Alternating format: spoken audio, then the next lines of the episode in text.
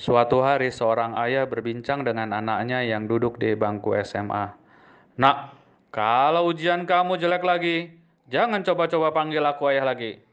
Keesokan harinya, sang ayah bertanya kepada anaknya, Bagaimana hasil ujian kamu nak? Hancur bro!